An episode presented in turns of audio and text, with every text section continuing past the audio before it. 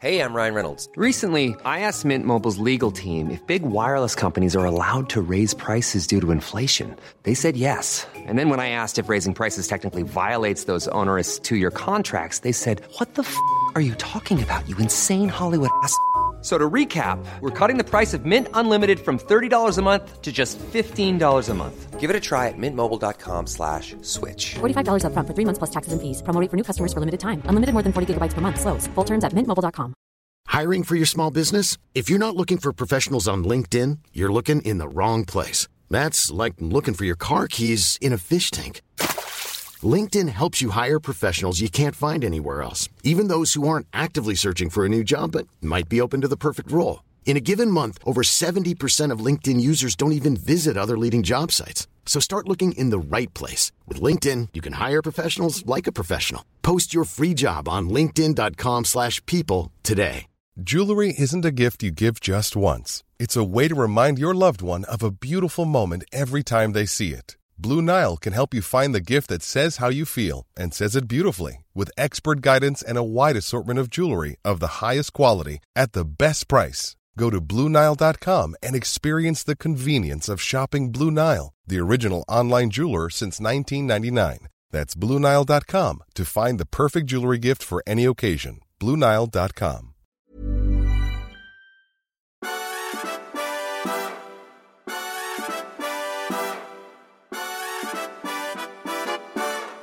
God morgon. God morgon. Får, man, får man säga glad påsk? Ja, idag får man göra det. Påskafton. Då får man göra det. Ja. Det där, fast det där, alltså det där har jag retat mig på hela veckan förstås. Har du? Ja, alltså när man möter till och med en, en buss. En, en buss i linjetrafik som det står Glad påsk! utropstecken på, på långfredagen. Då känner du? Ja, men då har man ju gått över alla gränser. Och det blir också så konstigt. Det här är sån där, ytterligare en sån här metadiskussion som man har i Sverige. Alltså, förr i tiden, då brukar man prata om att man mindes hur tråkig Långfredagen? långfredagen var. Nu pratar man, det är liksom ett led till. Nu pratar man om att långfredagen handlar om att man pratade om hur tråkigt det var förr i tiden. det, det börjar liksom bli ett led till av, av, av tid och, och eh, sekularisering mellan den tråkiga långfredagen och våra långfredagar. Alltså, jag, vi är ju i den här podden, får man väl säga, lite, lite Tråkiga? långfredagsmässiga. Nej, men vi, alltså, vi är ju lite förvirrade, förvånade och lite konsternerade. Mm. över hur saker och ting funkar. Jag, och jag tänkte, nu, nu, du pratar om den här metadiskussionen. Ja. Vilket jag tror är... Eh, metadiskussion är ett sätt att verkligen göra livet ganska... ganska meningslöst. Men såklart, det här är naturligtvis också en metadiskussion. Så man, hur man än vänder sig så har man den bak.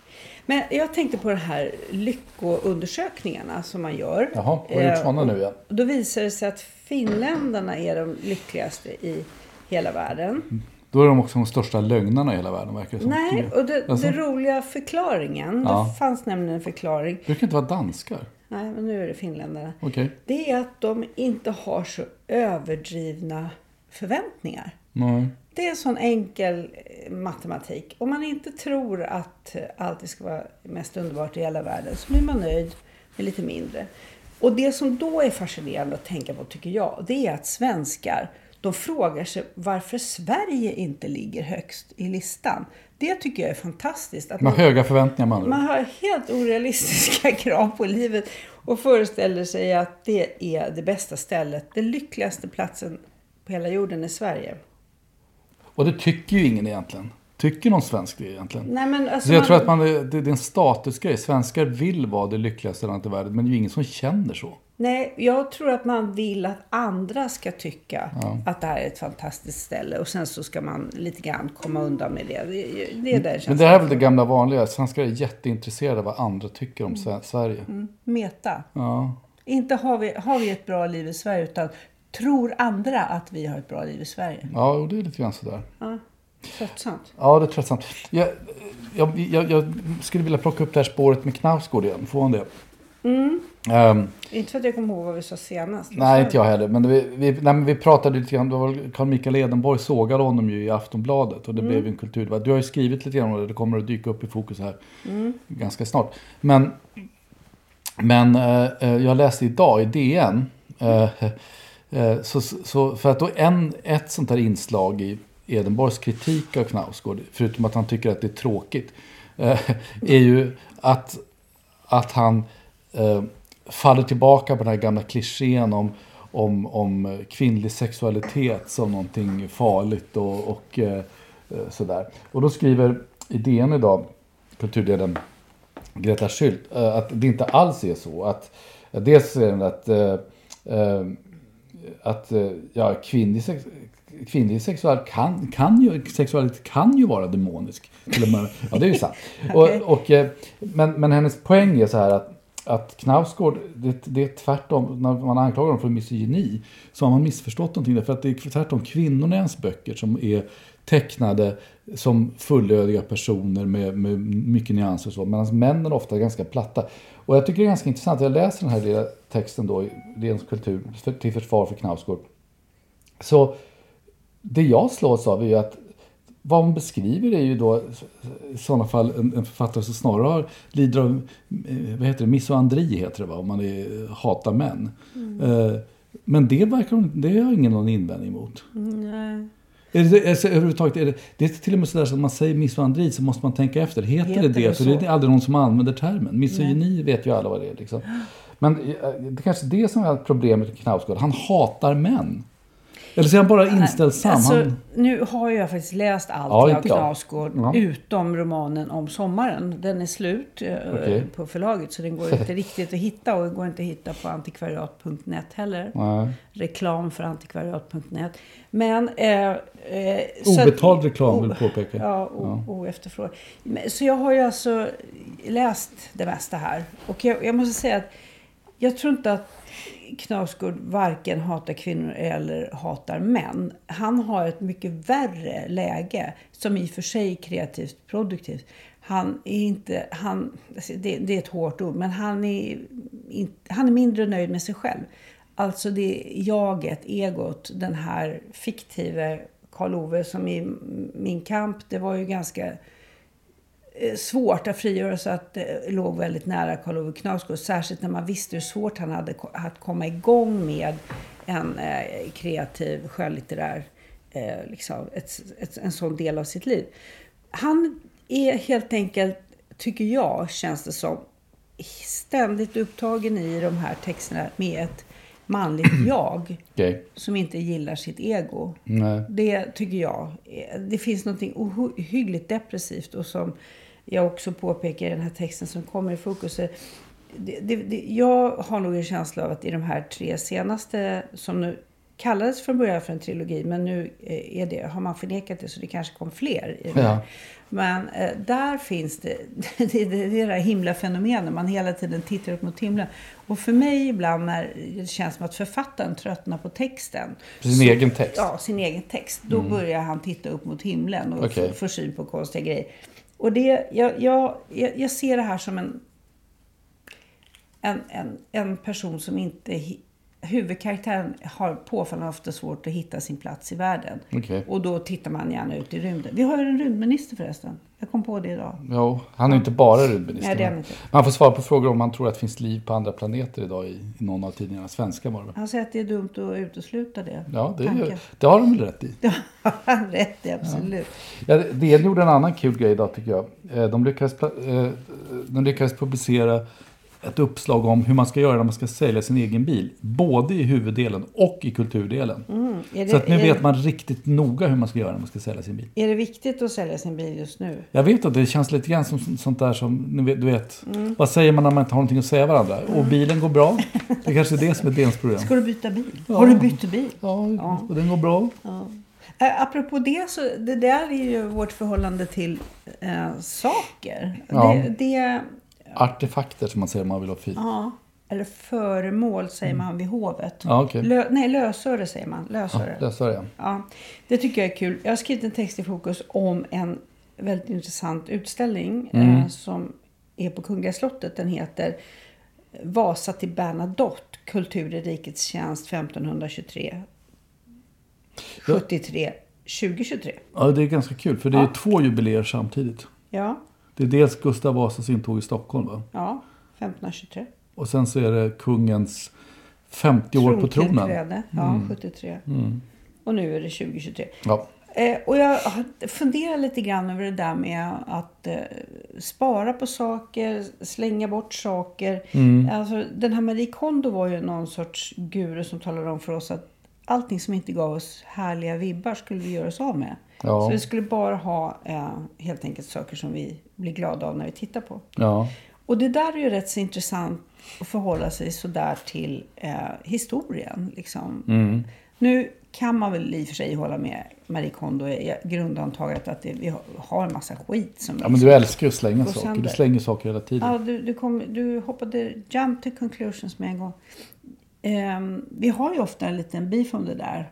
Ja. Och jag hittade en t-shirt med sju hål. Då tänker, säger jag så här, har den här sett sitt, sina bästa dagar? Då svarar du ofta, nej. Nej. Nej, det har den inte. Nej, men den har jag när jag springer då.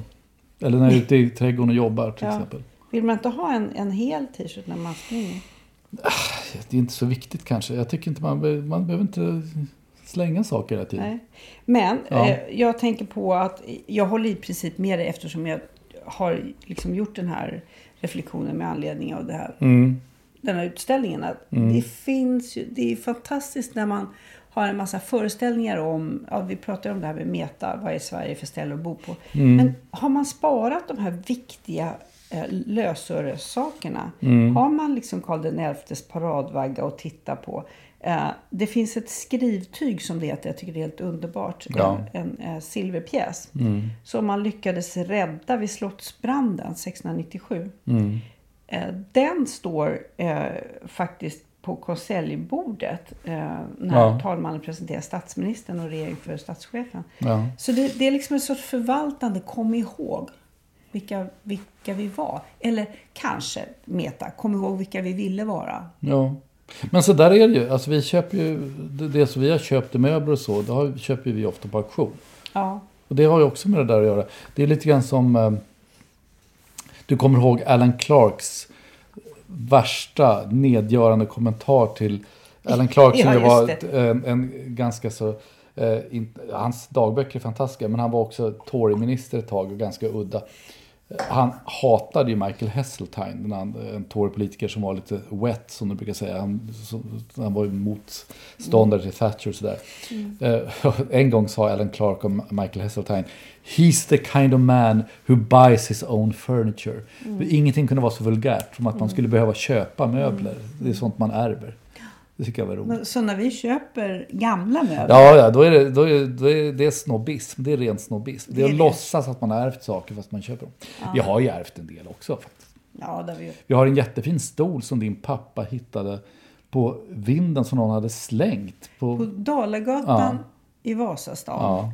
Någon gång på 60-talet så går han upp, tror jag, för att, säger storyn, lägga några gamla lagg, som är ett slangord för skidor. Ja. Längdåk. Hasalagg som det heter. Ja, det. skulle han stoppa in i förrådet. Ja. Och då står det en fantastisk 1700-talsstol där. Ett Stockholmsarbete. Den är signerat, men jag kommer inte ihåg vem det är nu. Nej. Och den ska ju då slängas. Ja. Då står där i bland allt Gammal och ful stol som någon gjort Gammal stol. Den brukar jag titta på och, och, och den har ett fantastiskt sidentyg, naturligtvis omklädd. Men då brukar jag fundera, vem har suttit på den där? Mm. Hur såg, jag tänker mig att det är en kvinna. Hur såg hon ut? Mm. Hade hon sidenkjol? Var hon... Alltså det är, det är fantastiskt. Ja. Nej, men det knyter ju an till den där utställningen du pratar om. Det är ju sådär, det finns ju historia i, i ting som är, som, som är värdefullt. Alltså det, knyter ju, det, gör ju, det skapar ju ett sammanhang. Ja. Det, det, det finns ju, alltså det där är ju tingens andliga sida. Att de, de förlänar någon slags, eh, de berättar en historia. Mm. Och den är ju inte materiell, liksom. den är ju någonting annat. Jag har blivit mer intresserad av um, Ja. föremål, lösöre som berättar en historia än människor som berättar en historia. Känner, Människor är mycket jobbigare, de håller ju aldrig käften. Nej, och sen så... Det, det är en bra, jag tycker jag, bra artikel i Access här, senaste numret. Mm. Så, jag tror att det är senaste numret. Mm. Eh, som säger att man ska vara försiktig med att hålla på och lita på forskningen hela tiden. Och det, det, det gör mig så lätt om hjärtat när jag äntligen får läsa något som jag brukar tänka på Mm. flera gånger i veckan. Alltså medierna, mediehusen, kanalerna, de är bara fulla med forskare uppger att, nu säger Mm. forskningen, Forsk, eh, det här är beforskat så det vet vi. Jag, jag kan svara på frågan, det finns alltid någon sån expert, ja eller nej, är det här rätt eller fel? Jag tänker att de här, det här forskningsfixeringen, Men det där är någon sån här journalistisk, det är någon journalistisk eh, eh, nervositet. Alltså man är, man är rädd för... Man drog igång alltihopa eh, med, med postmodernismen och allt det där. Men sen så när, när Trump kom och tog över att sanningen är relativ, då blev alla journalister jättenervösa. Och då har man ju börjat med det här. Alltså nu kör ju... Det är det här som har gjort att DN har den här sloganen nu eh, för vad är, i upplysningens tjänst eller för en upplyst värld eller vad fan det nu heter för någonting. Och, och nu håller de ju såna här väckelsemöten med med eh, människor som ska tala om eh, vikten med forskning och sånt där. Eh, Därför att de, jag vet inte, de, de, de, de känner sig att de står på någon slags barrikad. De är rädda för att folk inte tar till sig fakta. Liksom det, det, jag vet inte vad det är. faktaresistens, fake news, Ja, hela, allt allt det här blandas Ja. ihop till någonting. Ja. Men jag tycker den här Lars Melin som har skrivit den här artikeln säger någonting bra. Ja. Forskare är också människor och de är synnerligen beroende av att ha några fina människor att imponera på. Inte minst några som kan betala för deras arbete. Glöm inte det sista. Nej. Om man hela tiden är ute i spalter och eter och liksom talar om att det här, måste vi, det här är ett problem men vi vet inte tillräckligt. Det här måste vi beforska mer. Ja, Ja, det finns ju någonting idag också. Eh, Jag kommer ihåg att eh, jag läste eh, i något, jag tror inte det var senaste numret, men det var ett ganska nyligt nummer av, av, eh, av Spectator. Så skrev eh, Rod Liddle, eh, som, som ofta är ganska kul att läsa, han, han, han går ju på som ett eh, eh, Jehu. Jehu, exakt. Han är liksom, Gammalt det- road. Ja, precis. Han lägger liksom inga, inga fingrar emellan. Men han påpekar där att det, det, det finns ju liksom en gammal, en gammal idé om att, att eh, ståndpunkter och övertygelser är, är, är att jämföra med säsongens mode. Det förändras med tiden. Och det, Ja. ligger ju, det, det ligger helt uppenbart någonting i det. Det är bara att titta på hur historien ser ut. Men han påpekar då att det, har, det var den här liberala eh, etablissemanget i, i västvärlden har glömt bort nu. De tror att, att det de tycker just nu är på något sätt det, och det de vet just nu är på något sätt kronan på verket på allting. Och det går inte, så ifrågasätter man det så är man... Eh, eh, alltså det är ganska intressant just med de här eh, seanserna som nu hålls till förmån för vetenskapen och sanningen och allt det där. Det är att man kommer närmare och närmare det här skedet när man förklarar de som inte tycker rätt sak eller, eller skriver under på rätt eh, grejer. Man förklarar deras frånf av- frånfall som en sjukdom. Att det, de, de lider av någon, någon diagnos. Klimatförnekare. Ja, ja men det, det, det finns ju ting som forsk, det beforskas ju till. Men inte bara att man är förnekare utan att det faktiskt finns någon form av psykisk sjukdom eller någonting sådär. Och då börjar man ju närma sig det här Sovjettänkandet. Att människor som tycker annorlunda Ska till Sibirien. Ja, alltså man tror att de är psykiskt sjuka. Så det finns ingen, eftersom, eftersom marxismen är en vetenskap så finns det ingen, finns det ingen möjlighet att tycka någonting annat därför att det är en bevisad Så, faktum. så fel kan man inte hamna om man Nej, inte men är det- psykiskt sjuk. Nej Ja. men det är ju så. Ser man världen på ett annat sätt så är man psykiskt sjuk. Och det, det, vi börjar närma oss den typen av, av eh, påståenden. Som jag tycker, tyck- det tycker jag är lätt besvärande måste jag säga. Det där med medikalisering, nu för tiden är det psykologisering. Ja. Hörde du, eh, har, du eh, har du klart för att det finns i Sverige miljontals brev som är försenade? Jag visste inte ens att det fanns miljontals brev. Jo. Jag trodde inte folk alltså skickade brev för längre. att Postnord levererar 1,3 miljarder brev per år. Jaha. Men väldigt många av de här är försenade. Ja, nu ska jag tala om för dig eh, varför de här är försenade. Den senaste eh, förklaringen som kommer från Postnord det beror på att det är tågen inte kommer i tid. Ja, bra. Det hänger Jag tycker det är underbart. Tänk att någon på presstjänsten på Postnord kan säga hade tågen kommit i tid hade vi klarat kravet. Men jag tycker också, alltså vad är ens ett försenat brev? Och när man inte delar ut post mer varannan dag, varannan vardag dessutom. Mm. Då, är väl, då är väl per definition alla brev försenade. Man får ju inte ens post varje dag. Nej. Jag tycker det verkar... Ja, jag vet inte. Men, det är en sån här sak som ingen pratar om. Eh, tycker jag är lite konstigt. Det skrivs ju om det lite då och då. Men det, det finns liksom inte med i, i, i diskussionen i Sverige egentligen. Det är ju de här jättelika upploppen i Frankrike. Är inte det intressant? Jo. Att ingen pratar om det. Att, eh, det handlar ju om Macrons den här pensionsreformen som man ju faktiskt har trumfat igenom på ett sätt som i och för sig är lagenligt och så. Men som ju eh, i praktiken är ett slags eh, auktoritärt styre med dekret. Eh, och, då, och det finns ju liksom någonting här som gör att det här inte fäster tror jag i svensk debatt. Eh, olika saker. En är att, att eh, eh, Macron är liksom en, fortfarande någon slags omslagspojke för, för just det här eh, rättrådig liberalism och ljuset och, och eh, allt det där. Även om det, hans förhållande till Putin kanske har gjort att han är lite skakig på det posten just nu. Men han finns ändå där. Och då kan man liksom inte hoppa på honom för att vara auktoritär. Därför att han är på, på rätt sida. Så det kan man inte göra riktigt. Sen är det där gamla vanliga att man förstår aldrig fransmännen. Eh, det, det, det är kanske mindre intressant. Men det är, och sen ser det där eh, att man kanske tycker att ja, men det är, är det inte rimligt att pensionsåldern...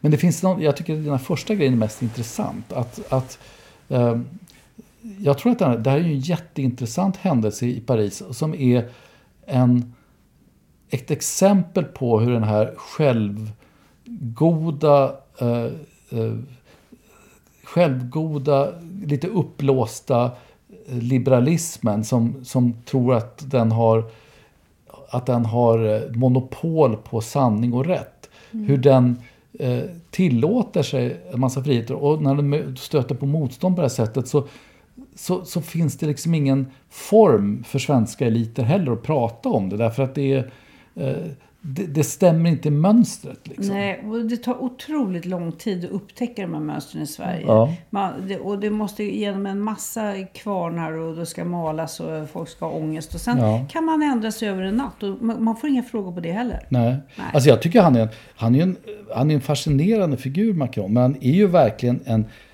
jag tycker en ganska obehaglig figur. Här är en pe- person som, när han liksom inte eh, kan få tillräckligt grepp över det parti han är med, då bildar han ett nytt. Och liksom, han har skapat en hel politisk struktur i Frankrike som egentligen bara är till för att stödja honom. Det är en ganska fascinerande grej. Alltså, eh, och, och det går att göra i Frankrike därför att deras politiska system ser ut sådär. Men ingen pratar om Macron som en auktoritär figur trots att han ju helt uppenbart är det. Och det är bara för att han är... Men nu har vi lagt ut det till lyssning så Ja. nu kanske det går igång. Ja. Eh, Jag tänkte bara avsluta med att säga... För är Skiter väl i Macron. Nej, det gör jag inte. Du gillar Men- Viola du- Macarons istället. Det är, det är mer intresserande. i alla makaron. Alltså, de, det går ju faktiskt inte att få tag på det här riktigt fina Laduré i Ja, de har slagit igen i. Stockholm. Ja, varför det? Det känns som ett fattigdomsbevis. Ja, mm. Eh, Men sen ska vi inte bara klaga på våra Jo. myndigheter. Nej. Utan Ska vi hylla dem nu också? man, om man är rädd för att vi har en polis som inte finns till städes eller är inaktiv och inte lyckas med saker. Så nu kan, det här har vi äntligen fått läsa i ett eh, TT-meddelande att eh, en man som eh, skulle ta Eh, han skulle ta körkortet och det här teoriprovet är lite överdrivet stort nu för tiden. Ja. Han åtalas för grov osann försäkran efter att ha blivit påkommen med en hörsnäcka på teoriprovet. Ja. Det är nämligen så här att det var en väldigt uppmärksam eh, man som eh, skötte den här eh, teori, eh, det här teoriprovet Ja. och ser att den här personen stoppar in någonting i örat och tillkallar polis som kan gripa den här fuskaren, osanna försäkraren, på plats. Fast just det här fallet måste jag säga att jag, min sympati med fuskaren. Jag tycker de här teoriproven är idiotiska. Men jag, De jag vill i alla fall om man- påpeka att polisen i Sverige fungerar. Ja, just det. Vad bra att de tar hand Det om sådana här saker. Det, är blev ingen körkort för den här killen. Han hade fuskat. Ja, polis på plats i Västerbotten. Men håller du inte med om att de här teoriproven är idiotiska? Jo då, jag har själv tagit det ganska nyligen eftersom jag är en sån här innerstadsprodukt som inte behövde ha körkort. Men det känns som Och sen syftet... hade ju du körkort. Så. Ja, men det känns som syftet inte är att man, man ska lära sig massa regler. Utan syftet är att de försöker kugga med såna här eh, trickfrågor liksom. Mm. Ja. Nej, det var faktiskt två rätt, inte tre. Det är såna här Det, idiotgrejer. det, det är faktiskt ganska svårt att, att fixa det där. Man Ja. får... ehm, Jag vet inte om jag skulle göra det nu, om jag skulle behöva ta om det. Det är tveksamt. Ja, det är den känslan alla har. Men, men eh, ja, vi håller ögonen på polisen och här blir det topppoäng den här veckan för gripande på plats. Ja, det är bra. Då kan Mm. de, de, såna här, I pinräkningen så kan de eh, Det kan de lägga lägga högst i till. högen. Ja, det är bra. Ja, Ja, är vi färdiga där då? ja men det tycker jag. Ja, just det. Jag, skulle, jag tänkte prata om Proust, men jag får göra det nästa gång. Ja, det Jag, alltså, jag står nu på randen till del 5. Jag är nu inte snart... på randen till sammanbrott. Nej, inte alls. Nej. Tvärtom. Men jag är på väg nu att avsluta eh, del 4, Sodom och Gomorra. Och det är fortfarande fantastiskt. Mm. Men det är ju sådär, man behöver, man behöver liksom lägga emellan med lite annan läsning. Eh, därför att ja, det får inte gå för fort helt enkelt. Men det, fast, fast nu blev jag hånad av våra barn här. Som påpekar att alla håller på att läsa Proust. Att det är töntigt att hålla på att läsa Proust nu, för det gör alla.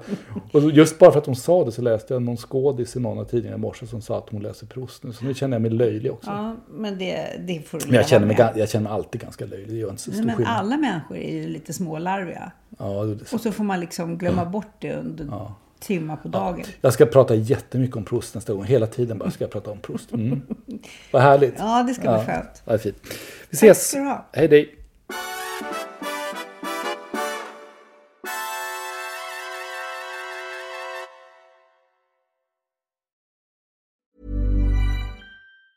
Hey, it's Danny Pellegrino from Everything Iconic. Ready to upgrade your style game without blowing your budget? Check out Quince. They've got all the good stuff shirts and polos, activewear, and fine leather goods, all at 50 to 80% less than other high end brands. And the best part? They're all about safe, ethical, and responsible manufacturing. Get that luxury vibe without the luxury price tag. Hit up quince.com slash upgrade for free shipping and 365 day returns on your next order. That's quince.com slash upgrade. Planning for your next trip?